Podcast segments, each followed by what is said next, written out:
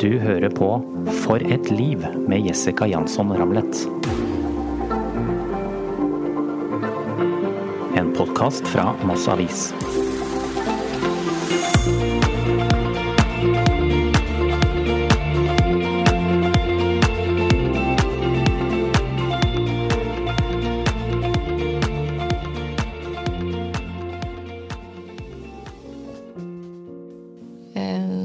Er drittøfte tider, og mine nærmeste får jo høre det, og de ser jo det. Men det handler jo ikke om at Amin er en egoist fordi han er slem. Han tenker jo ikke på seg selv totalt sett. Da tenker han jo på familien. Det er jo det eneste han gjør, føler jeg. Han gjør jo det her for oss. Helene Askar har tatt alt ansvar for barn og hjem for å gi ektemannen Amin muligheten til å bli fotballproff.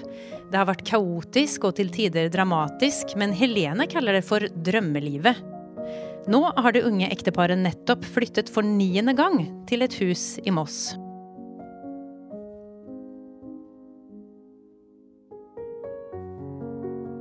Yes, Velkommen hit. Eh, Takk for at du kunne komme til mamma, så vi slapp eh, oppussingskaoset på Trondvik. Så i huset på Trondvik er det Komplett kaos. Hva er det der? ja, det, er vel, altså det er ikke kaos, men det, det bærer preg av at det skal pusses opp, og at ikke vi har fått flytta inn ennå. Så jeg tenker at det er greit å være et sted hvor man har litt sånn hjemmekoselig. Og så var det litt febersyke barn også Ja, i tillegg på absolutt. toppen. der som som Ja. eller Helene? Ja, ja. Det er så hverdagslig, så det føler jeg Det liksom bare på Det er bare en del av det.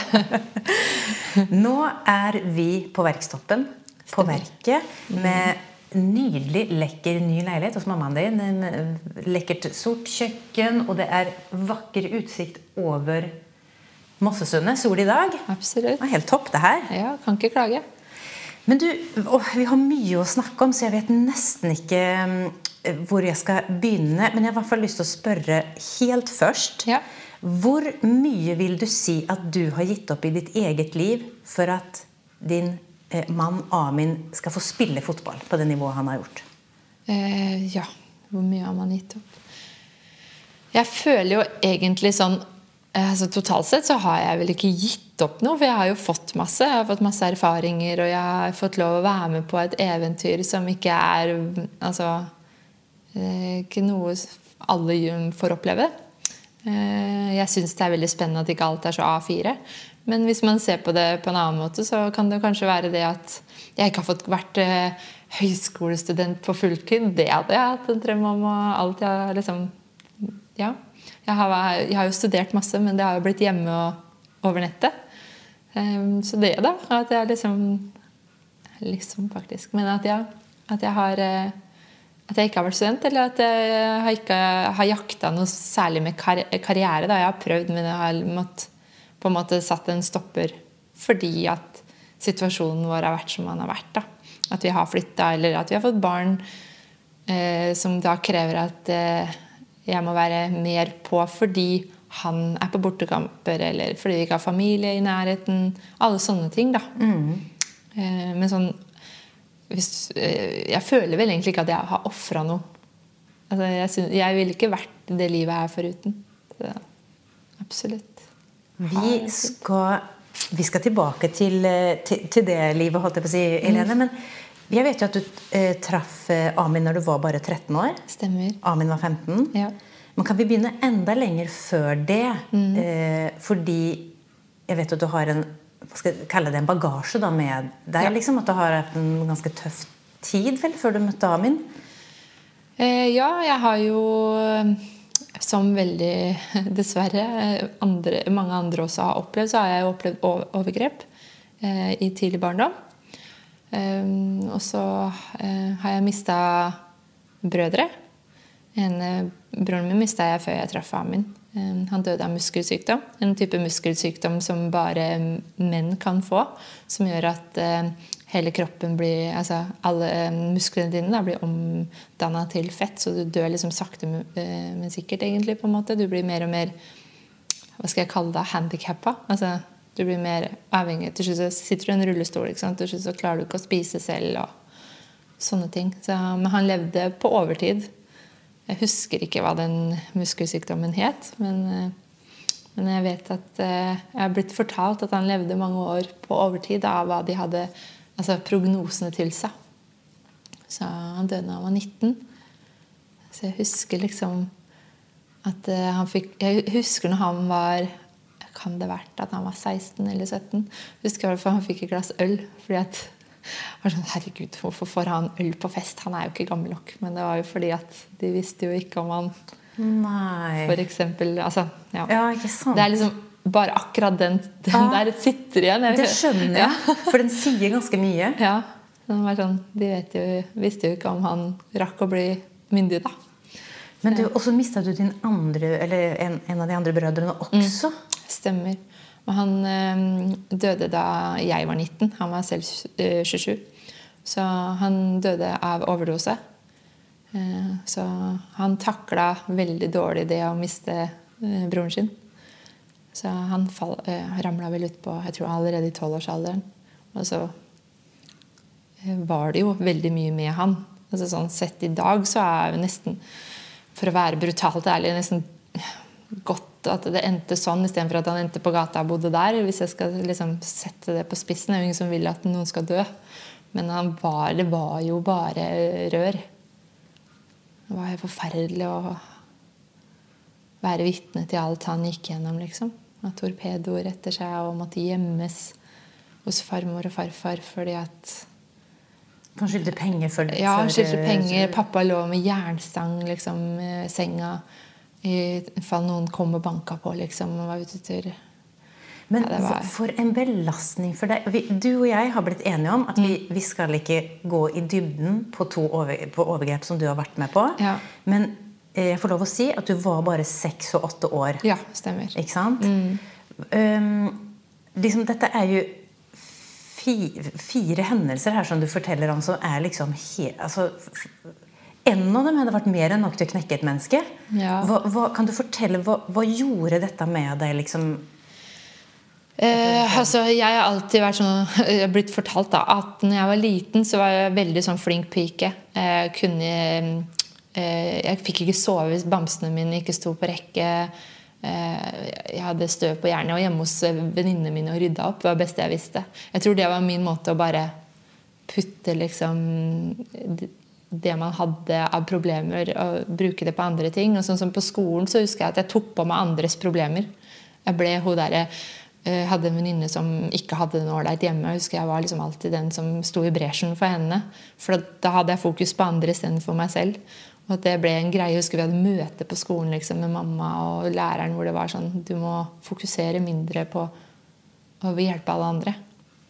For det var jo min måte å da bare ikke kjenne på egne følelser. da, ikke sant? Og bare dytte de bort. Men det fungerer jo bare til et, eh, hva skal jeg si, et visst punkt. Sånn at når jeg vokste opp, så ble det jo mer og mer psykisk belastende for meg. Jeg, jeg fikk jo noe som vi den gangen trodde var epileptiske anfall, som viste seg etter mange runder på Statens senter for epilepsi at var psykisk betinga. Oh, ja, men det, det, det, det mm, hva skal jeg si, så ut som leger også trodde Ja, at det var anfall? Ja, altså ut ifra hvordan du, kroppen responderer i anfallene. Men det var jo kroppen som fortalte at eh, du er utslitt mentalt. Altså, kroppen din takler ikke mer av det du bærer på. Da. Det er jo traumene dine. Og så, Ja. og så prøver man å skille på fysisk og psykisk. Det, er Ja. det sitter sammen. Det sitter sammen, ja. Hvor gammel Eh, var du da, Helene, når det begynte å skje? Eh, Jeg husker første gangen jeg fikk et sånt anfall. Da var rett etter det første overgrepet. Jeg husker jeg gikk på seksårsklubben, og da gikk jeg ut til damene som jobba der, så sa jeg føler dere noen ganger at dere er som romvesener og går på månen. For at da var jeg utafor meg selv. ikke sant? Da følte jeg følte liksom at det, Akkurat som du er At du ser på deg selv gå i slow motion. er veldig vanskelig å forklare. Og da var det sånn, De bare fleiv, de bare lo, for de tenkte bare det er sikkert bare et barn som har vill fantasi. Og så tenkte jeg at det er ikke normalt, og da snakker vi ikke med noen om det. ikke sant? Men så gikk det jo Hvor gammel kan jeg ha vært? da? 15-16 år. Så husker jeg satt i bilen med mamma. Det begynte å bli så mye av det. Eh, Og så har det sikkert noe med hormoner å gjøre, at det påvirker også. ikke sant? Du er den alderen du er. Eh, Men jeg husker jeg satt, og Mamma skulle kjøre meg et sted, og så fikk jeg et anfall i bilen. Og da er jeg sånn Nei, nå vil jeg ikke, nå kommer det igjen. Altså Den gangen skjønte jo ikke jeg at det var et anfall, så brukte jo ikke det ordet. Men jeg liksom Jeg følte meg jo gæren. Jeg følte meg jo gal. Og så var det sånn og da stoppa mamma bilen og sa hva er det som skjer? Vi skal ingen steder. Nå skal du snakke med meg. Og da fortalte jeg bare alt. Så og det var jo egentlig starten på et mareritt for en mamma, stakkar.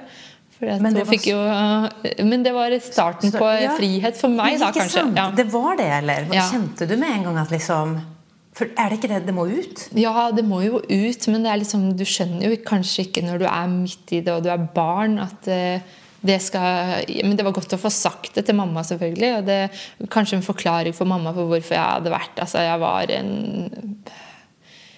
Ikke noe enkel ungdomsjente i alderen 13 til 16 år, i hvert fall.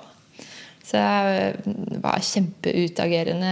og liksom, Jeg hadde jo fått meg kjæreste, da. Jeg ville jo være sammen med han for alt det var verdt. ikke sant? Og jugde og styra på for å overnatte hos venninner istedenfor å være hos han. Og jeg, jeg, tenkte ikke konsekvenser. Jeg bare tenkte at jeg eh, driter i alt.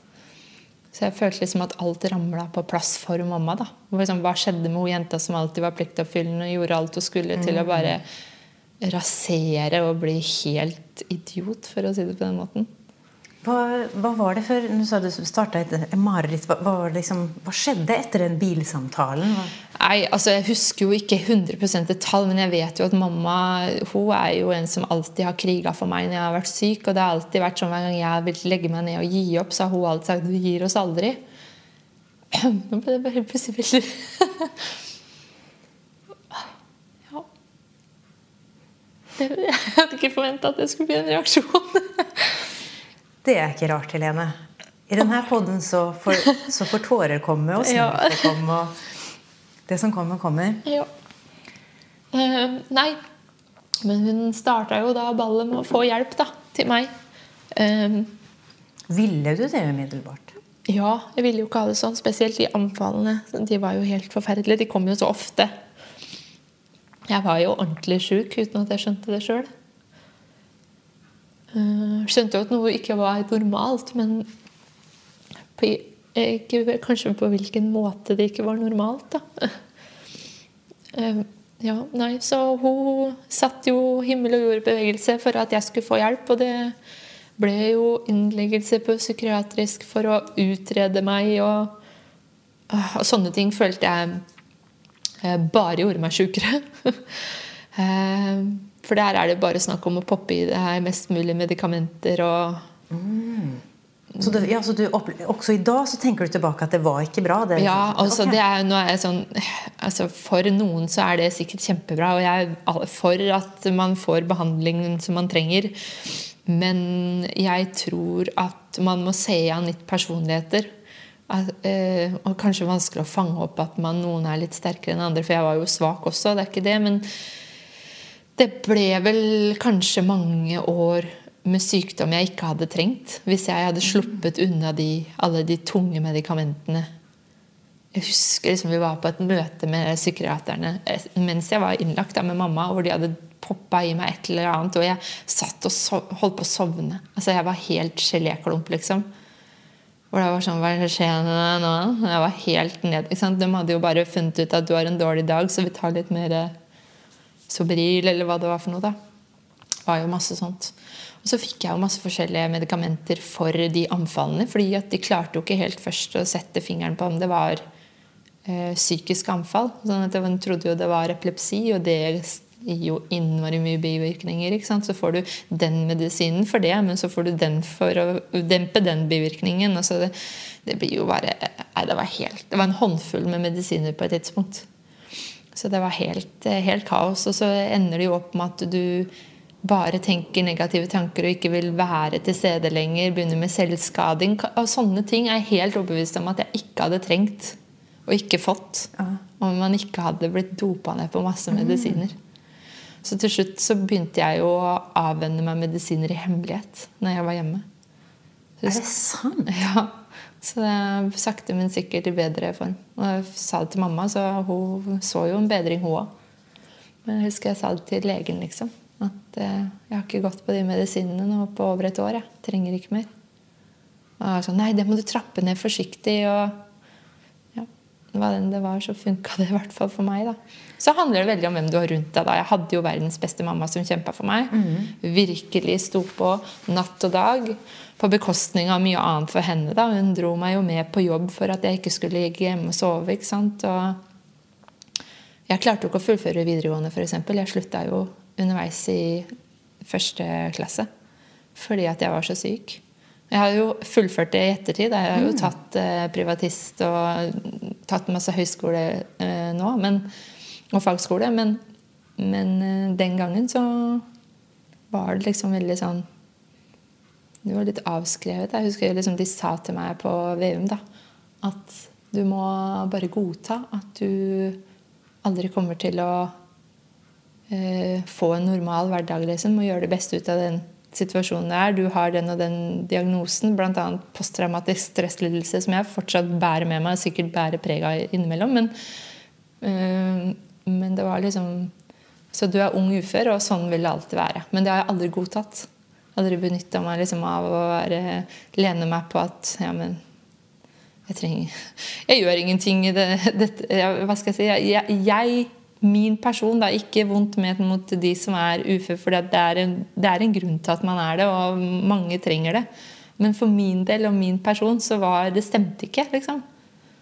Så jeg er veldig glad for at jeg hadde Amin rundt meg. For han var jo den som var sånn Du kan velge nå om du vil være her og synes synd på deg sjøl og ha det fint liksom med det, eller om du vil utvikle deg da, som eh, person og i ja, hva, hva skal jeg si eh, bli en bedre utgave av deg selv. Da. For du, du, møtte jo han tidlig. Tenker du at han er, Amin er en stor del til at du er et helt annet sted i dag? Ja, 100% Tenk deg han da som slo igjennom og var fotballspiller. og var på, altså Han var jo stor i Øst... Altså, I Østfold så visste jo folk hvem han var. Han var ung i tillegg òg. Han valgte da etter eh, kamper å komme og besøke meg som lå inne istedenfor å gå ut med gutta, liksom. Så jeg føler at eh, Enten så vokser man jo sammen, eller så vokser man fra hverandre. Og vi er jo grodd fast. så jeg er takket være han på veldig mange plan. Jeg føler han som gjør meg sterkere. Ja. Fantastisk. Mm. Kan du ikke fortelle hvordan du møtte han? Eh, ja. Nei, eh, vi hadde jo tydeligvis gått på samme ungdomsskole et halvt år, men det hadde ikke jeg fått med meg, fordi han var jo en av de kule, og det var jo ikke jeg. eh, og så var det en venninne av oss som eh, skulle være sammen med han en dag, og da hadde hun planlagt å være sammen med meg samtidig.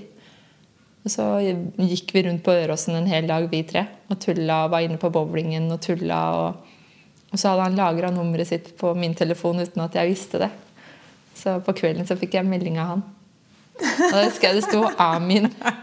Big guy'. Unnskyld for detaljer, Askar. Nei, det sto 'Amin. Big guy. Bad boy', eller et eller annet sånt. Og jeg bare 'hæ?' Hvordan fikk jeg den? Det hadde sikkert ringt seg selv. Så det var liksom starten på alt. Så dagen etterpå så var vi sammen. og ja, så ble det bare Så fra da var dere sammen? Liksom, ja, ikke liksom, da, ja, det var da, og så ble det ble kjæreste på nyttårsaften. Fantastisk. Ja. Ja, det, ja, så det har eh, Jeg vil jo si at eh, altså forholdet vårt har jo vært virkelig gjennom alle berg-og-dal-baner du kan få. Fordi at vi har jo vokst opp sammen. Men eh, heldigvis, da i hvert fall min tanke er jo at vi fortsatt er, er sammen. Kan ikke tenke meg et liv uten han. Akkurat nå, som vi sa, eh, nylig kjøpt og flytta inn i et eh, stort hus. Sa du? Nesten 300 kvadrat? eller noe mm. ja, Og får plass da endelig ja. til hele familien. For vi snakker familien. dere to ja. og fire barn etter hvert. Fire barn. Ja. Men dere har jo bodd mange steder. Kan ikke mm. du ta oss med på liksom, hvordan ja. livet har blitt, og hvordan du har flytta med og tatt styring på skal man si, liksom på hjemmebane, Helene? Mm. Hele veien. Ja. Eh, ja, vi bodde jo sammen en periode i Moss. Når han starta som fotballspiller, så var jo Moss første stedet hans. Det var der han signerte første proffkontrakten sin. Og da fikk vi en leilighet nede i byen via klubben. Eh, men da var jeg bare 16 år, og jeg syntes han rota så fælt. så, eh, og hadde Altså, til å være skolenerd, for jeg var jo sånn, gjorde lekser og sånn Jeg trengte å være hjemme hos mamma, ja. Og i tillegg da ikke være frisk, så flytta jeg hjem igjen. Eh, og så flytta vi til Fredrikstad, og jeg tror det var liksom det som var starten på å bli frisk for min del. Å komme seg ut av byen. Og han min var veldig sånn Nei, men bare, vi, det her går bra. Vi, du flytter etter med meg. Jeg husker jeg spurte fastlegen min tror du at det går fint. liksom? Og mamma var jo veldig nervøs, fordi enten så kom det til å gå kjempebra, eller så kom det til å ikke gå bra i det hele tatt. Og måtte jo bare stole på at det kom til å gå fint. da. For da var du kanskje 17? Jeg tror jeg, tror jeg var 16. Jeg husker jo ikke. Ja. Ja, kanskje fortsatt 16. Vet du hva, det er, jeg er så elendig på årstall og år. Men veldig Men, ung i hvert fall til å liksom ja. flytte. ikke sant? Ja. ja. Kanskje jeg var 17. Nei, gud a meg. Jeg husker ikke. Men i hvert fall, vi var unge når vi flytta til Fredrikstad. Uh, og da fikk vi også leilighet via klubben og bodde på Selbakk. Og det var uh, kjempestas. Liksom bare meg og han og ja, få lov å liksom leve fotballivet, da. For det var jo Så han starter med dette liksom med en eh, god profflønn fra han er 16 år, og sen så får? Og får mm. leilighet, som du sier. Altså ja. starter med Det er jo veldig Kanskje ikke for å være i fotballen, men det er jo tidlig liksom å bare ja, ja. kunne forsørge seg. liksom, Og, han, og kanskje deg òg? Ja, han forsørga jo oss begge to. Så jeg var jo postbud når jeg, jeg sykla rundt og leverte post når jeg var i Moss. Eh, med han. Men eh, når vi flytta til Fredrikstad, så var jeg jo ikke Da starta jeg jo egentlig med å bare være, være hjemme. Mm, og så begynte jeg å få veldig øynene opp for trening og syntes det var kjempegøy. Og så fant jeg ut at jeg kunne jo bli instruktør, så da starta jeg for meg selv. Eh, og leide meg inn til ulike treningssentre i hele Østfold. Og på et tidspunkt hadde jeg 20 timer i uka. Hvor, de, ja, hvor jeg kjørte rundt liksom, Fredrikstad, Sarpsborg og Moss. da. Og hadde timer? Og hadde holdt timer, ja. Til alle døgnets tider. Eh, og så annenhver uke så jobba jeg nattevakt 100% på hotell. For det er jo sånn, Når du jobber natt, så får du, da må det være en uke på en uke av. Det er noen regler for det. Så da var jeg resepsjonist på hotell og mens jeg planla bryllupet vårt. For det var jo helt gull, vet du. For vi skulle jo gifte oss i USA. Så de var jo våkne når eh, jeg jobba. det, og det var jo aldri noe særlig med uh, ting å gjøre når du jobber nattevakt. Det var jo liksom de rutinene, da, men utover det så hadde jeg jo all tid i verden til å drive med studier og planlegge bryllup.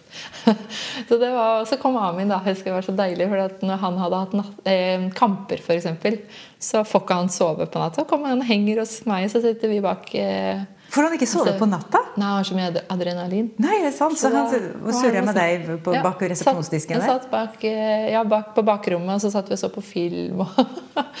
ja, det var... Eh, og, og, nå, skal vi se, Hvilken by er vi nå? Nå er vi i Fredrikstad. Ja, ja nemlig, sånn var det. For ja. Så ble det Bergen etter hvert. Ja. Men, du, men bryllupet eh, var... Det var mens vi var i Bergen, da. Ja, for ble det USA og hele den ja, da. planen? Ja, vi gifta oss i Vegas. Så vi, det var planlagt òg. Det var ikke sånn at vi bare dro innom et kapell i, i Vegas, liksom. Det var ordentlig planlagt, ja. Um, Hvor gamle var dere da, Helene? Å, eh, 25. Ja. Å ja, det var såpass. Ja, ja, ja. Mm. ja, var 25? Jo, jeg var 25. Um, så da det var jeg 2012. Ikke 25, da. Jo, det var 25. Eh, så, nei, så det var, da hadde vi akkurat flytta til Bergen. Og så var det 2. juni. Så dro vi ned til USA, og så feira vi bryllup og hadde ferie med de nærmeste vennene våre. Og så streama vi bryllupet hjem til familie. nei, så de kunne sitte og se på det hjemme, liksom.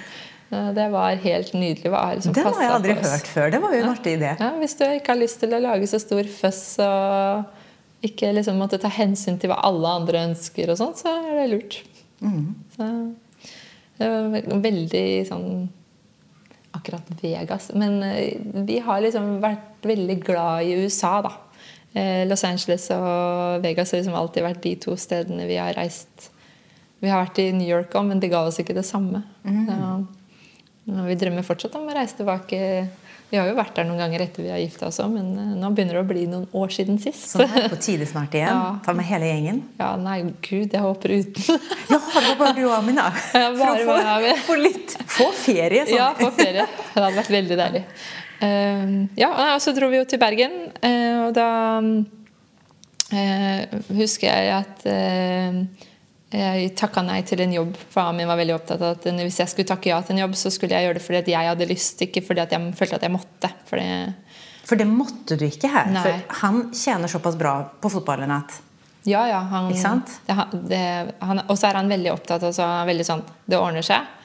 Eh, man skal ikke takke ja til en jobb. Du skal ikke jobbe for noen du ikke ønsker å jobbe for. Det skal være for din personlige utvikling, og det skal være fordi du føler at det gir deg noe. Da.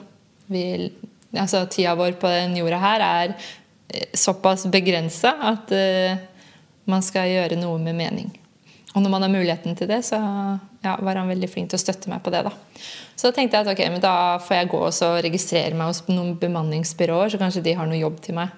Men jeg syntes jo jobben hennes var så gøy, for hun satt jo og gravde i hvem jeg var. for å prøve å finne ut hvor jeg kunne passe inn. Så da fleipa jeg litt, så, så sa jeg bare du har ikke noe ledig jobb til meg her. da. Det kunne vært kjempegøy å sitte sånn som du gjør nå. Og da ble jeg oppringt dagen etterpå, og så fikk jeg tilbud om en jobb der. Så da husker jeg så godt. Jeg følte liksom den derre eh, det øyeblikket det går opp for meg at jeg ikke er syk lenger, og at selv om alle Ikke alle da, familien min og sånn avskrev meg jo ikke, men liksom leger og alt sånt noe, de hadde jo avskrevet meg og egentlig sagt at du skal bare godta at du er syk. Jeg husker jeg satt i et møte der, så tenkte jeg bare sånn I've made it, liksom.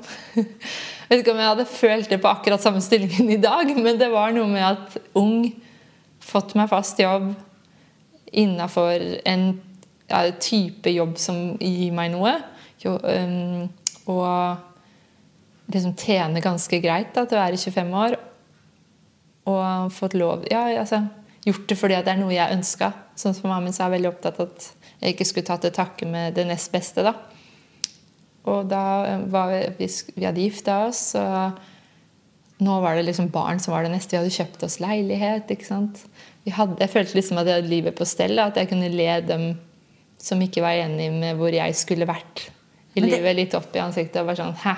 Men det er fantastisk. Hva, hva, hva, si litt mer Helene, om hva gjorde at du klarte å gå den veien til, og som du beskriver selv, da, bli frisk? Eh, Er det når jeg skal være litt sånn cocky Jeg tror mye handler om personlighet. Jeg tror mye handler om vilje. Det sitter i deg, og det er vondt for folk å høre som er nede, men jeg tror at hvis du er Hvis du vil noe sterkt nok, så stopper ingenting deg.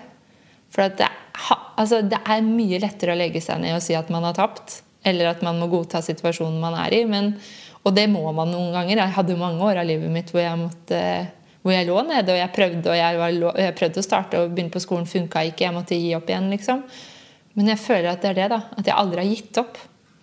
At jeg liksom Og det, det har mye med Amin å gjøre òg. For han har veldig alltid vist meg liksom, alle de gangene han har blitt skada opp igjennom, og han var mye skada i Moss, blant annet. Altså, å se åssen han biter tenna sammen, trener og trener og trener og trener, og kommer tilbake alltid mye fortere enn normale prognoser, da, fordi at han ikke gir seg. Han lar seg ikke knekke.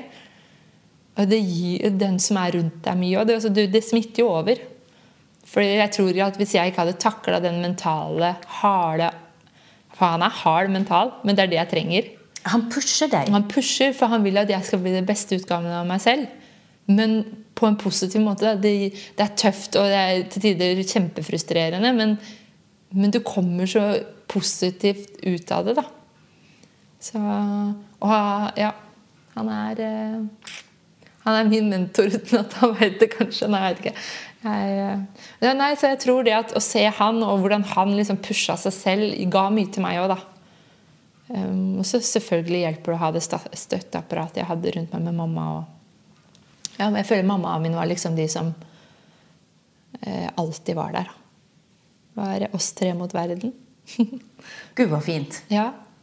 Så ja, Å ha føler noen sånne er gull verdt. det er gull verdt.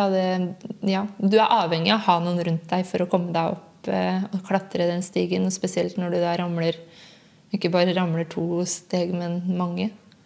For du har lyst til å gi opp. Selvfølgelig har du lyst til å gi opp. Men jeg tror det er det, da. At det handler om viljestyrken din. Og at jeg har den, heldigvis. Jeg har måttet skrive opp, Helene, for du har så mange, du har, har så mange barn. Jeg har så mange, jeg, det er det jeg alltid sier. Du vet hva, jeg har så mange barn. En liten barnehage. Det er jo ikke så mange, men bare for at jeg skal holde det ordentlig, så har jeg lyst til å si at da har vi Benjamin på ni som eldstemann. Mm. Og så er det Eliana på fem. Ja. Adriana på to. Mm. Og Noah på ett. Ja. Det er i dag. Det er i dag. Men det starta for ni år siden. Så, var, så, så, nå klarer ikke jeg å regne sånn fort her, men du sier sånn fra dere begynte å tenke Vi prøvde jo å få barn rett etter vi gifta oss. Det Ja, tok jo to ja. år før det satt. Nesten. Eh, For da tenker du jo på det hele tiden, og du går jo ikke et sekund uten at du ville ha det barnet. Så jeg tror på det de sier, at eh, psyken spiller inn på sånt. Eh, og selv om du tror at du prøver å slappe av, så gjør du jo ikke det. Fordi du går bare og gleder deg til du egentlig skal ha mensen og sjekke den pinnen. Eh, Jeg husker så godt når jeg fikk positiv test, så ringte jeg til Ami, for Ami var på bortekamp ved garderoben. Og han bruker jo egentlig ikke å ta telefonen rett før match, for det er sånn fy-fy å ha telefonen framme. Og da, han er jo i den dagen nei, altså den dagen han har kamp, så er han i sitt eget modus. Du snakker ikke med han da. Han har jo sine holdt på å si ritualer, men rutiner, da. Men er sånn, Jeg ringte og ringte, og jeg tror, tror jeg han trodde at det var noe gærent. Jeg bare 'Jeg skulle bare si deg at eh, vi er gravide!' og han ble så glad. Så det var så gøy, for han skårte den kampen. Så da had, tok han ballen inn i skjorta du, for å vise at det var baby i magen. da. Nei, så kult. Eller om han løp og tok Altså, Vi har hatt så mange unger, men jeg mener at det er barna. Eller om det var da han dro av seg hansken og, og så sutta på fingeren. Jeg husker ikke. Men det var i hvert fall veldig søtt at han kunne dedikere det til det kommende barnet. da. Så ja. Så stilig. Og etter det så har de kommet sånn relativt tett med jevne mellomrom. Eh. Ja, altså Det tok jo fire og et halvt år fra Benjamin kom til verden til Eliana kom. Ja, faktisk, ja. Ja, for at, eh, Da var jo Amin i Tyrkia i mellomtiden. og sånn, for at Etter eh, Bergen så dro jo Amin De, de rykka ned, altså Brann rykka ned. Og da dro Amin til Sarpsborg. Um, og så var han der han var, jeg, tror, det, jeg tror det var lån. Herre min, det burde jeg jo egentlig sikkert, sikkert visst, men jeg tror de lånte ham fra, fra Brann. Og at det var meninga at Amin skulle tilbake igjen, men da endte han opp i Tyrkia. Eh, og da å være aleine Jeg var ikke klar for å få baby nummer to. Da, og vi turte jo ikke bli med Amin ned til Tyrkia, fordi hans klubb lå 45 minutter fra Raqqa. Han var jo eh, halvtime fra grensa til Syria, eller noe sånt.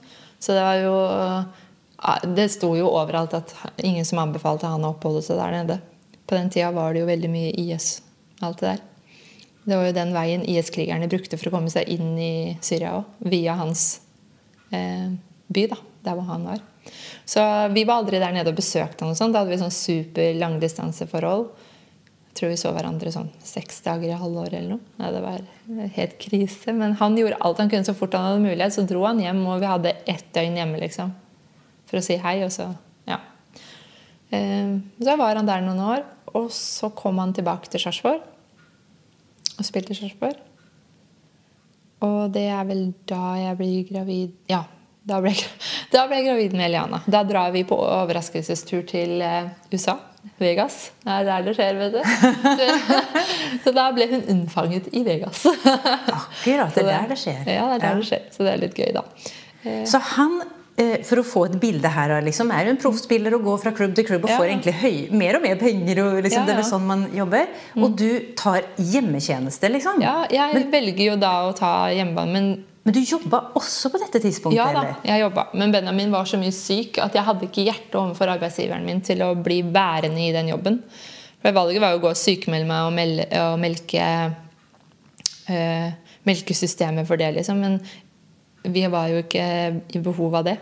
Så jeg skrev et langt oppsigelsesbrev til sjefen min, fordi han og jeg vi fant virkelig tonen. Liksom. Han var han er en gammel traver i, eh, i eh, rekrutteringsbransjen, da, eller i bemanningsbransjen. Så jeg følte at jeg lærte mye av han, og han, mye, han lærte mye av meg. Fordi at jeg var ny og så ting på andre måter. Sant? Så da skrev jeg liksom at jeg takka for eh, muligheten til å være der. Og at for de visste jo hvilken situasjon jeg var i når de ansatte meg, og det er jo en risk å ta. Eh, men at det her ikke kunne fortsette noe mer. Liksom, når jeg ser hvor mye jeg må være hjemme med Benjamin. da. Eh, For han var uvanlig mye syk, men han ble operert sånn at det, det ordna seg. Det var jo bare sånn typisk eh, nyfødt å være Eller være liten og være mye forkjøla og alltid hjemme fra barnehagen. Mm. men da var det liksom ikke et alternativ å få en time. For det var mer enn nok å bare få hverdagen til å gå hjemme med å være ja, med å være med Benjamin og være en mamma for han. da. Og Amin var jo ikke til stede på den måten. Han sikra jo fremtiden vår. Og fikk oppleve nye eventyr, selvfølgelig. Men det var jo ikke et alternativ at vi var med på det. På den måten vi levde det jo via han på TV da, hjemme. Så, men så kom jo han tilbake, og da ble jo ting mer normalisert. Og så eh, venta vi jo Eliana, og så kom covid.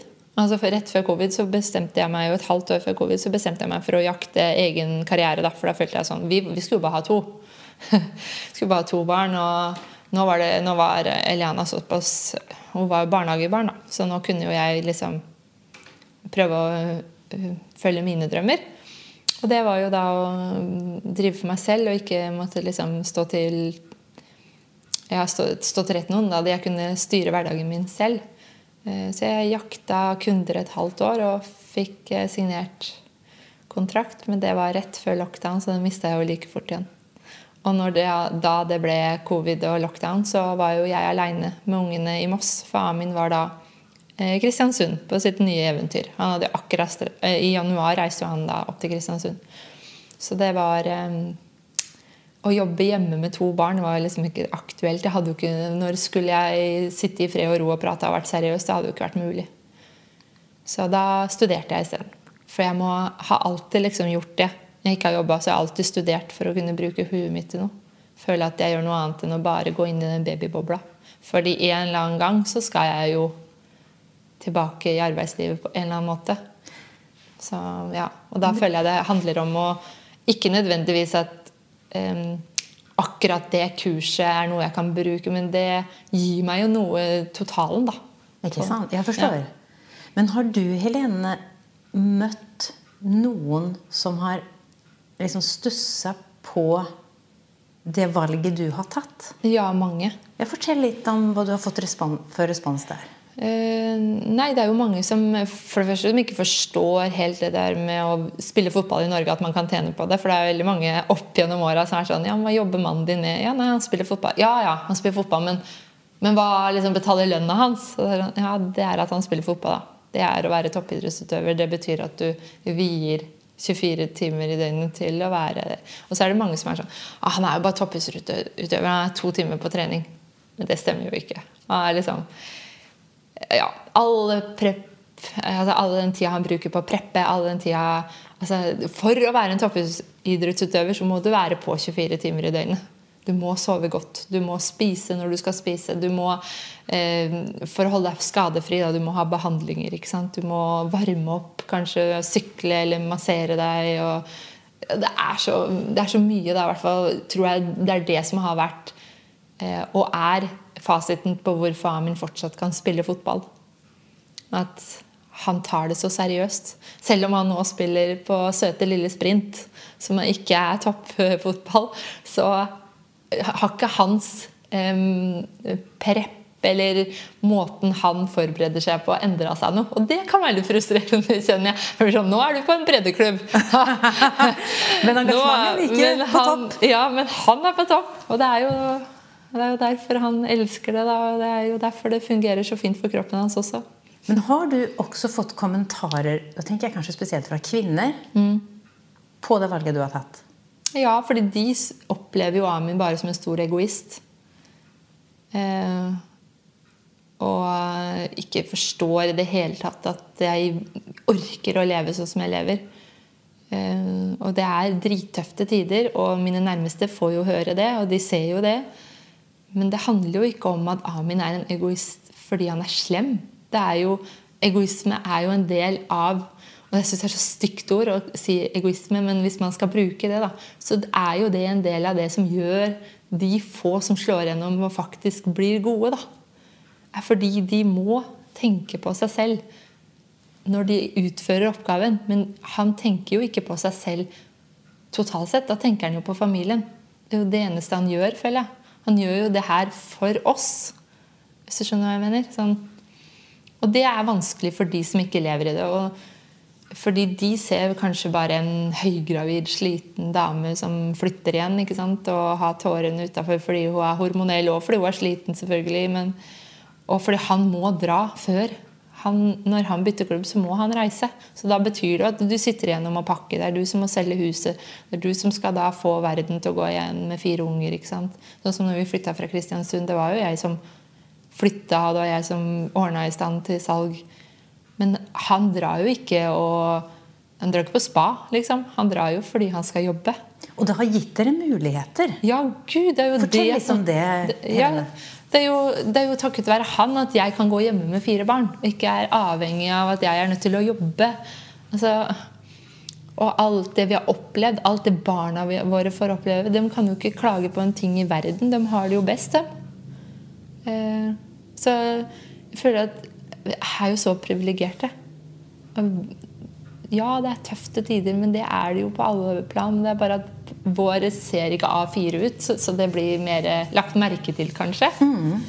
Men det er også sånn at dere har i tillegg altså til et eh, etter hvert veldig moderne, flott hus, tenker jeg. Mm, ja. det dårlig tenker Jeg sånn gleder meg til å pusse det opp. ja. Men i tillegg til det så har dere også hatt anledning til å investere Ja. eh, Ikke sant? At det er enda noe mer her enn eh, Ja da. altså Vi har jo investert, vi har leiligheter vi leier ut i Oslo. Og vi har jo akkurat solgt rekkehuset vårt på Trondvik. Eh, Sånn at det, det er jo klart at det gir jo goder på den måten også. Det er jo sikra fremtiden vår. Og igjen, da, det som Amin sier at alltid at vi, at vi skal gjøre noe for oss selv. Han er veldig, sånn, han er veldig dreven og drives av ting. og Det er ikke noe sånn at han har tenkt å sitte og drikke kaffe og ikke gjøre noe. liksom. Han finnes ikke tiltaksløs. og han hadde ikke likt at jeg, eller han hadde ikke likt om jeg ikke gjorde noe fornuftig. Jeg tror han ser at jeg trives i den rollen jeg har akkurat nå, som det er at vi har fire barn og jeg får lov å gå hjemme og slippe å stresse om morgenen. Jeg kan få lov å fokusere på at huset er i orden, at barna har klærne sine på plassen sin, at ikke alt bare flyter. At jeg har energi til at alle har med seg barn. eh, At det er barn som kommer hjem i tillegg til mine egne barn. Jeg elsker å ha huset fullt av unger. Eh, altså Helger er overnattingsbesøk. At det er sånn opptelling da, hvor mange unger er det til middag. i og Det hadde jeg jo aldri orka om jeg hadde hatt en jobb ved siden av. Hva er rekorden der, da? Det husker jeg ikke, men i, i Kristiansund så var det jo Jeg ser tilbake på det nå, så skjønner jeg egentlig ikke at jeg orka med to små babyer. Men eh, da kunne det være åtte stykker på overnatting. For jeg kunne jo ikke si nei til den ene. Jeg sagt nei, ja til den andre. De var jo en gjeng på åtte gutter som alltid hang sammen. da. Så, men de hørte jo på meg. altså Det er det som er så veldig greit. for at jeg tror, og jeg liker i hvert fall å tenke det, at eh, hos oss så er det et åpent hus. Du er alltid velkommen, men du vet veldig godt hvilke regler du har å forholde deg til. Du får ikke lov å snakke sånn og sånn til meg. Altså, jeg er ikke en kul mamma som eh, du kan si sitter rundt bordet og bruker ordet 'jævlig' eller Fy faen, altså de orda der, da. Og det, det kan de gjøre inn på rommet. Later som jeg ikke hører dem, for de er ni år. Ja. Eh, Du skal rydde opp etter deg. De har ikke bein å gå på, de asjettene. Du skal vaske deg på hendene når du kommer er, inn. er du ganske streng, altså? Eller sånn Jeg, noe, jeg, Det tror ikke jeg tror egentlig ikke at jeg er så veldig streng utover helt normal. Men jeg synes at mange nå til dags har glemt det helt elementære oppdrag, altså sånn, ting de lærer hjemme, men de glemmer det idet de går ut døra. kanskje da. Med å si takk for maten. Spørre kan jeg få, ikke bare 'jeg er tørst', da. Er sånn, Du er tørst? Ja, gi meg noe vann, da. Det heter ikke det her. Kan jeg få vann? Ja, det kan du få. Altså, det er, jeg vet ikke. Jeg føler at det er helt helt basic som alle, alle unger det- har lært hjemme, og alle unger kan det. Men så er det noen steder så er det kanskje helt greit at de snakker sånn. Hos meg er det ikke det. Jeg føler at Hvis du skal være hos oss, så skal du ha helt klare ting på hvordan ja, man, man inkluderer de små. Vi har små barn. Og det er plagsomt at de henger rundt. Ja, det er jeg klar over, men da får dere gå ut. Liksom At det er sånn, da. Ehm, for jeg elsker virkelig beste følelsen i verden. Det er det kaoset med unger. Fordi det er ikke det kaoset som gir meg stress.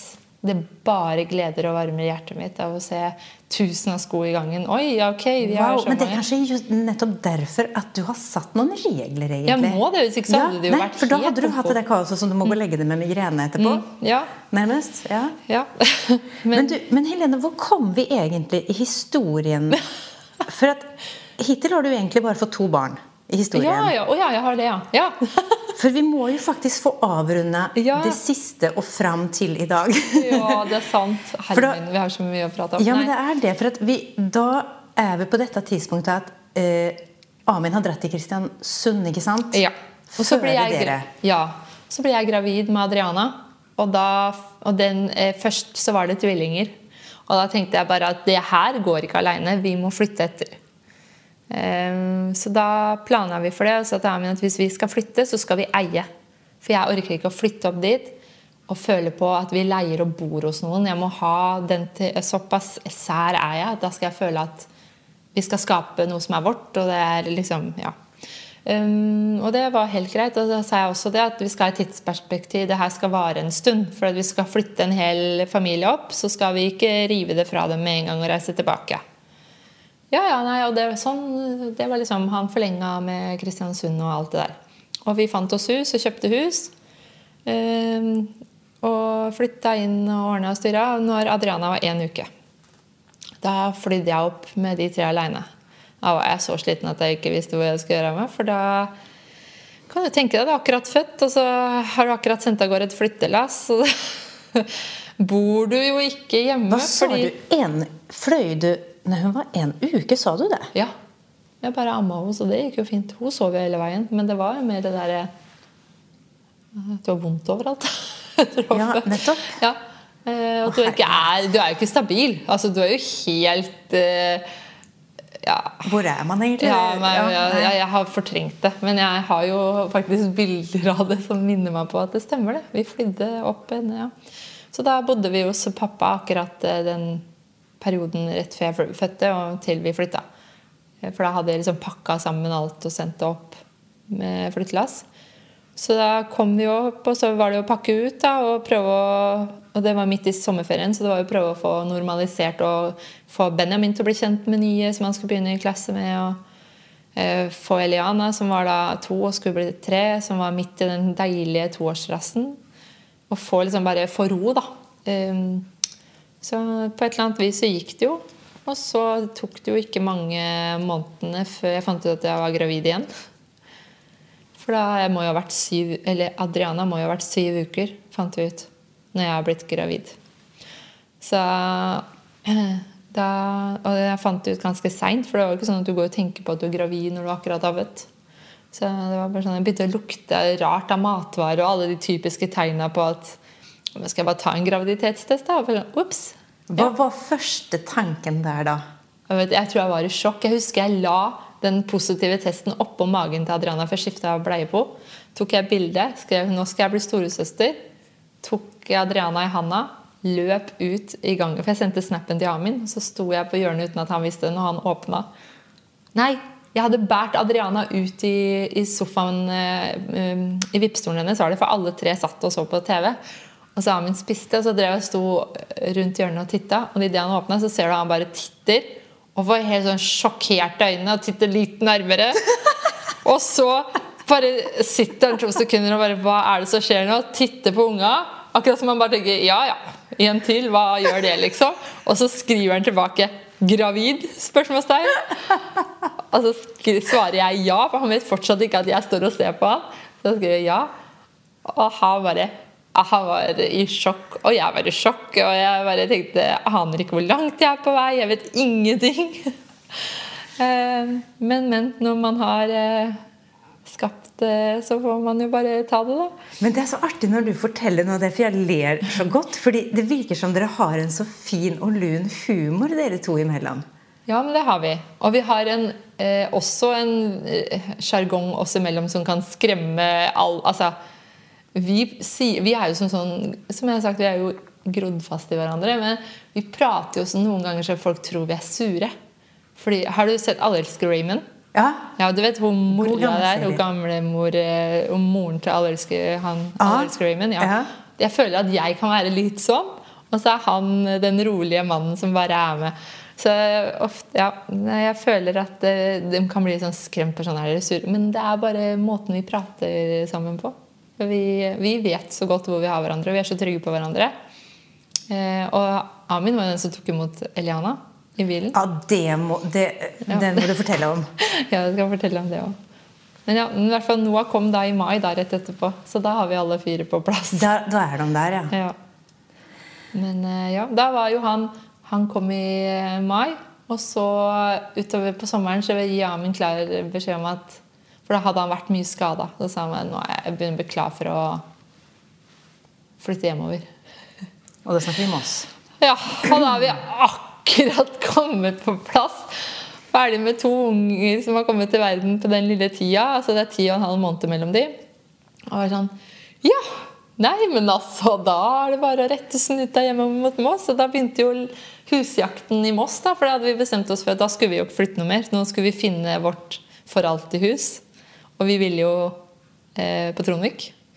Fordi at vi er blitt veldig glad i det området. Og lovte jo Benjamin at når vi skulle flytte tilbake til Moss, så skulle han ikke begynne på en ny skole. Da skulle han komme tilbake til der han hadde reist fra. Så det var jo et veldig snevert område å lete i. Så det tok jo kjempelang tid. Jeg tror vi brukte nesten et år på å finne et sted vi ville bo. Så, men eh, det klaffa til slutt. Så det ja. altså eh, hvor hva, Ja, fortell om den Vi må ha historien her Amin får gå inn da som eh, Jeg tenker på den fødselen. Ja, han er jordmor. Altså, hva skjer der egentlig? Det er jo en historie som jeg holdt på å si nesten går rykter om, Helene. ja, ja, det sto jo faktisk på de fleste av landets aviser når det hadde skjedd. Så det, ja, til og med det, ja. ja. Um, men nei, jeg, våk, jeg har jo sikkert vært i fødsel i noen dager, men i og med at man sovner, så tenker man jo at da er det jo ikke rier. Man sovner jo ikke fra rier, får man beskjed om. sant? Så jeg gikk og la oss, jeg var så frustrert. og så Både jeg og min sa til hverandre at hun trenger ikke å komme i morgen, for da er det 11. september, og alle husker jo World Trade. Altså, det var jo da eh, det krasja i USA, holdt jeg på å si. Um, så jeg tenkte at det, da trenger du ikke å komme. Nå får vi bare legge oss også. Så våkner jeg med et bra klokka fire, og da var jeg altså så svær, så åssen jeg klarte å hoppe ut av den senga, det forstår jeg fortsatt ikke. Jeg husker Benjamin sov imellom oss, og jeg sto over dem og pusta av pesa. Eh, og så tenkte jeg at shit, ok, jeg får bare ringe føden. Var det liksom smerte? Eller ja, ja, det var helt, som gikk, nei, nei, nei det, var, det var en kjempesterk rie. Ja. Så jeg har tydeligvis sovet gjennom de riene som var før. da. Ja. Um, og så hadde jeg så lite batteri på telefonen, tenkte jeg, men jeg, jeg må bare ringe føden. Så, men jeg må på do, så da tar jeg med den på do og så ringer jeg så ikke jeg vekker de to andre. Og så sier hun jordmora, 'Hvor er du nå?' 'Nei, jeg sitter på do. Jeg føler jeg må på do.' 'Du hopper av!' Hun var så streng. 'Du går av den doen, og du får ikke lov til å presse før du ikke klarer å presse.' Og da ringer du 113. Og jeg tenkte 'Gud, og hun masa', liksom. Uh, og så ringte jeg mamma da, så sa jeg bare, nå vil de ha meg inn på føden, så nå må du komme. Og hun hørte på pustinga mi, eller i hvert fall på måten jeg var, så oppfatta hun at, at, jeg var kommet langt. da så når hun hadde kjørt kjempefort, for den gangen så bodde hun på Skredderåsen så den hadde kjørt kjempefort ut på Trondheim, så sier hun, når hun kom inn, da, så sier hun men du er jo i fødsel, skal ikke bare ringe 113 da, Helene? Og jeg bare nei, herregud, det her Jeg eh, skal ikke ringe noe 113. Jeg hater sånn for mye oppmerksomhet. Det er ikke gøy. Så jeg tenkte det går bra. Og så får vi omsider liksom dratt opp av meg, men jeg er så trøtt. Uh, og jeg ja, begynner... Han ligger og slumrer litt? Ja, jeg er litt i sjokk. Jeg tror egentlig ikke han skjønner hva som skjer. For det er jo midt på natta. Benjamin han sover jo gjennom brannvarsler òg, så han sover jo gjennom alt, heldigvis. Men da begynner riene å bli så sterke på den lille tidspunktet her at, um, at jeg tror jeg er ganske høylytt, fordi at Amin står nede og setter opp musikklyden. For han orker ikke å høre på meg. Han, er, ja, han står og skupper seg tennene sine. Og, du du plager han litt i morgenrutinene der, rett og slett? Ja. Rett og slett. Ja. Uh, og så sier mamma skal jeg hjelpe deg ut. da Jeg bare ja Men jeg kom meg jo, klarte nesten ikke å gå, for jeg hadde jo hodet var jo så langt nede. Så hun får jo liksom til slutt så hjelper meg inn i bilen. Så tror hun må sette deg Men det går jo ikke, jeg klarer ikke å sitte. Nei, Så da stelte jeg meg på knærne, og så holder jeg liksom hendene i nakkestøtta. Sånn, liksom rumpa ryggen mot uh, frontruta. Og for da tenkte jeg, Hun bare 'Skal du stå sånn helt til Kalnes?' Jeg bare, ja, hva skal jeg ellers gjøre, da? Ja, men Herregud, det er jo ikke lov å stå sånn. tenkte jeg sånn, Hvis politiet stopper meg nå, så får de bare stoppe meg. For det her, jeg Da klarer ikke å sitte, liksom. baby, Ja. faktisk, ja. Eh, Og så får vi omsider av Amin ut i bilen. eh, Og så begynner vi å kjøre, og så kommer jeg til den første humperen. For det er jo sånne rolige humpler ikke sant, fra Trondvik-kalenderen. der. Og allerede den første tenker jeg shit, åssen skal dette gå hele veien til Kalnes? Ja ja, det må bare gå. Og jeg sier bare nå kjører du fort, altså. Så kommer vi opp til Hopperntoppen, og så kjenner jeg at det her går ikke. Nå må jeg presse. Og da sa jeg til Amin kjør inn til sida, ring 113. Kjør inn til sida og ring 113. Sånn i desperasjon, tror jeg. Og han bare ok, så ser du bare at han begynner å scrolle på telefonen. Og han er da helt sikkert allerede i sjokk, for han scroller da på VG. Så sier jeg du må ringe 113. Og idet jeg da skriker, så kommer første pressreia. Da går vannet i den pressreia. Øh, skikkelig pressreie. Og da skjønner han at shit, her skjer det noe. Og så ringer han 113, og så er han sånn unnskyldende. 'Hei, du, kona mi skal føde', og Man vet jo ikke hva man skal si. Og, og hun bare 'Ja, jeg tror kanskje dere da ikke skal ringe oss, men Kalnes'. Og så idet hun prater, da, så hører hun at jeg får en ny presserie, Og så sier hun 'Oi, ja, hun er i fødsel, ja'. Ja, du må kjøre inn til sida, du. Eh, skal få en ambulanse på vei til dere. Er det et sted du kan kjøre inn, og de driver og snakker sammen og sånn? Og så kjører han inn på den busslomma foran Middelhavet. Så forklarer hvor vi er. Og så Så det er rett før kanalen der, ja, ikke sant? Den, jeg er så sjeleglad for at det her var midt på natta. Eh, og det er klokka kvart over fire, og så sier hun bare eh, Nei, det han må ha vært mer òg. Ti på halv, kanskje? Ja. Jo, han var nok ti på halv, for hun var ute i 25. Og så sier, eh, så, sier, så sier hun hva er det du ser nå? Nei, hun har på seg bukse, da. Ja, den må du ta av. Og han går bort sånn kjemperedd. Og så ser du han har tatt sånn klypa liksom, med fingrene på hver side. Og drar ned. Og Hvor sånn. er du da? I forsetet? eller Jeg er sitter i forsetet. Nei, i Eller ikke i forsetet, men med på knærne, som sagt. Og holder oh, ja, meg. du er i den vinkelen, Ja, rett og jeg er i den vinkelen. Og på knærne. For jeg tenker bare Og jeg er helt sånn jeg har, altså Helt i min egen verden tenker bare hun får bare komme, og det her det får bare gå som det går. Det har gått Eh, før. Det har gått før, liksom. Det går jo hver dag alle andre steder hvor Ikke de har helsevesen. Og så sier han ja, hva er det du ser nå når jeg ser buksa? Ja, du må dra ned. Og da drar han den forsiktig ned. Så sier hun hva ser du nå? Trusa. Ja, du må ta ned den nå, da. Ok, Og hva ser jeg? Og idet han drar ned, så kommer det en prest til, og da kommer hodet ut. Og da han Hodet er ute! Hodet er ute! Fram til halsen! Hvor er, hvor er dere hen? Nå må dere komme! Og han var så han og Da sier hun bare eh, Vi kommer ikke til å rekke fram, du må ta imot ungen. Og da steller han seg utafor bilen som at han skal ta imot en ball.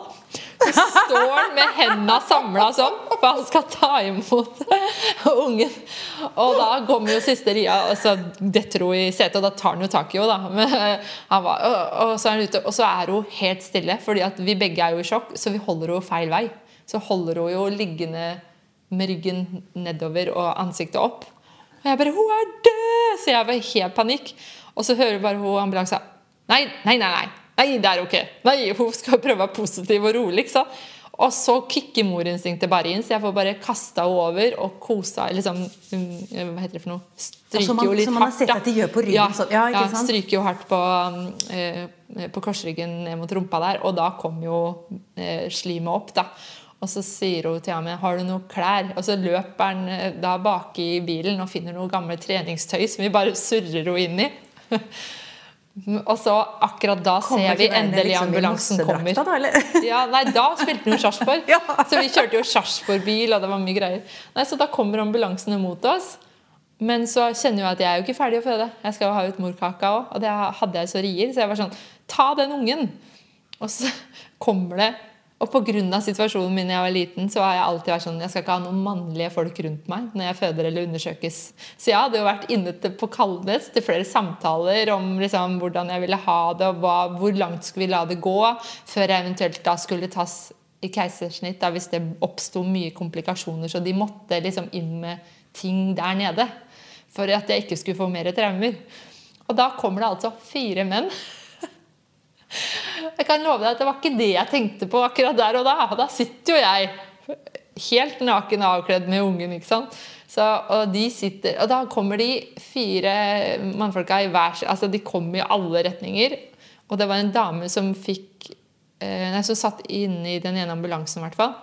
Men da begynner de å diskutere om hvor de skal eh, ta på klypene for å klippe navlestrengen. Og jeg kjenner at jeg er så irritert. For at han, han ene sier til meg du må, du må slutte, du må ikke eh, presse nå. Du må la oss få klippe navlestrengen. Bare, Men morkaka sitter jo fast i navlestrengen. Jeg trenger jo ikke å vente på det. Det er jo ikke farlig. Jeg har tross alt sett Fødekanalen på TV. vet du. Og var sånn, nei, men Han var helt sånn insisterte på at jeg skulle vente, og de diskuterte hvor du skulle sette og klippe av. og sånn. Så fikk de klippe av. Og så har jo jeg fortsatt morkaka inne, fordi han nekta meg jo å presse. Og jeg holdt jo det jeg kunne, da. For jeg tenkte at ja, ja til syvende og sist er det vel han som har peiling, da.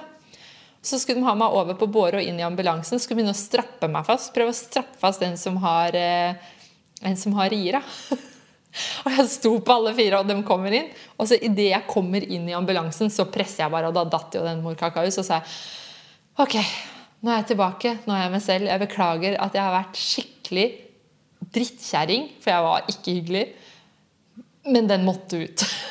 nå er jeg normal igjen. Da, da, men da kom til slutt jordmor. Da, for jordmor, Det var godt at det endte så godt, eh, liksom, at det gikk så bra som det gjorde. fordi de hadde misforstått hverandre.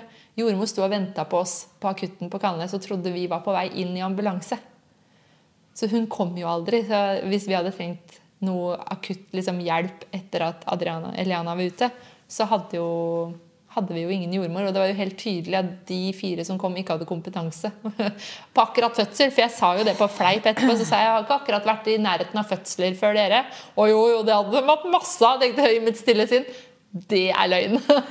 og Amin var vel heller ikke helt eh, på topp der? Altså. Nei, og, men vet du hva? Stakkar, han var helt i sjokk. Han eh, Jeg hadde så vondt av han. Og da, jo, han, han vet jo at jeg er på å spare på ting som gir meg minner. Så de hadde jo glemt igjen saksa og den, den store, tjukke det teppet som de hadde lagt Det lå liksom inne på forsetet. Så han hadde jo da i sjokk reist hjem til mamma, som satt hjemme på Trondvik med Benjamin. Kommer inn fullt av blod, og liksom Og hun bare «Eh, hvor er Helene? Hvor, hvor er Eliana? For hadde Amin hadde ringt henne på FaceTime for å fortelle. Han tenkte sikkert, Det var rett før da, da han ringte FaceTime, men han tenkte hun vil sikkert se at nå er babyen ute. Så han drev og filma oppi meg. Jeg bare 'Jeg er ikke ferdig', for da hadde jeg ikke født morkaka ennå. Så han måtte jo legge på. Men da, da kom jeg hjem med da saksa i ene armen og alle disse klærne mine og sånn i det andre, så sier han 'Jeg skal vaske dette her, jeg, fordi, eh, til Helene'. Og så mamma bare 'Jeg tror kanskje jeg tar det'. Nå går du og liksom skifter og ordner deg. For da sto vi nede på kanalen og venta på jordmor. da så han rakk jo hjemom å få bytta klær og sånn. Men jeg syns jo, hvis jeg tenker på det i ettertid, at det er helt sinnssykt at de lot han kjøre aleine i egen bil etter alt det han hadde opplevd. For han har jo sett og opplevd alt. Jeg sto jo bare der og tenkte at ja, det får bare gå som det går. Det er jo han som er traumatisert, ikke jeg. Altså, det, for min del så gikk det jo raskt så raskt det kunne, og det gikk så bra som det kunne. Det var beste fødselen på den måten.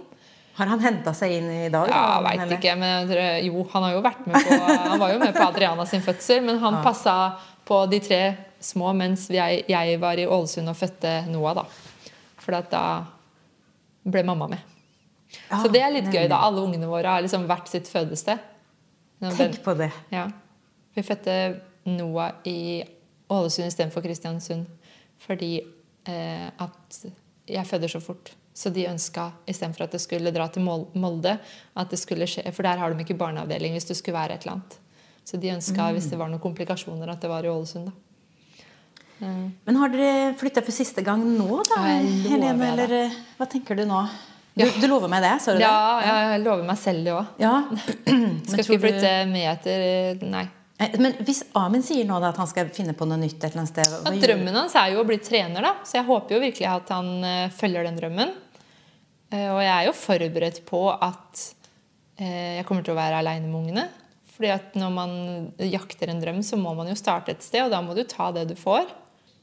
Hva, hva er din drøm for din fremtid, da? Bare deg? En egodrøm for deg, Helene? Nei, jeg vet ikke. Jeg føler jo jeg har Jeg lever jo en drøm, da. Jeg har jo, jo mamma til fire unger. Jeg hadde, som jeg sa til deg i stad, hadde jeg hatt uh, ferdige unger på to år som kom ut, så skulle vi hatt mange flere. Hvis de kom fra to, ferdig ja, på to år, ja. Ferdig som toåringer, men det skjer jo ikke. Jeg skal ikke ha flere barn. Jeg skal ikke inn flue engang i det hjemmet mitt. men uh, Nei, det er jo det å få lov å være mamma og se ungene vokse opp, og samtidig kunne eh, på en eller annen måte jakte litt karriere da, på siden. Så, men akkurat liksom, hvilken type har jeg ikke klart å eh, ja, Hva jeg vil bli når jeg blir voksen, det vet jeg ikke. Det er noe med det. Men du har ja. lyst til å um, satse liksom på jobb og karriere etter hvert? Absolutt. Ja. Absolutt. Det har vært så utrolig liksom, Først kom det litt tårer, og så var det ja. ganske mye latter for en historie. Jeg ble nesten litt svett. Ja, ja. Der, eh, så tusen takk for at du har delt. Jo. Jeg tenkte sånn, Før vi liksom sier ha det, så bare hva, hva, er planen i dag? Nå sitter vi der formiddag. Hva, hva skjer i livene deres i dag? Liksom? I dag er det torsdag. Uh, ja, i dag så er det jo som de Det er uh, ja, Benjamin har ikke fotballtrening i dag, så det er veldig deilig. Men min mann har. Han har jo fotballtrening i kveld. Eh, så i dag handler det egentlig mest bare om å dra og handle og gjøre klart til helga. Eh, torsdagshandel? Liksom. Ja, torsdagshandel, gjøre, gjøre klart til helga. Eh, I, torsdag er jo egentlig en veldig behagelig dag, for det er ingen fri, altså det er ikke noe som skjer på ettermiddagen, sånn sett, bortsett fra ah. at Amin er på trening. da. Mm. Så hadde ikke jeg vært med deg nå, så hadde jeg vært på trening. Og så hadde jeg gjort rent hjemme. For jeg syns det er veldig deilig å ikke gjøre rent på en fredag. Fredag skal jeg bare skal nyte oss. Ja. ja, fordi vi har hellig dag på fredag hjemme. Da er det forræder, taco og kos. Du har hørt For et liv med Jessica Jansson Ramlet. En podkast fra Moss Avis. Musikken er laget av Shinto.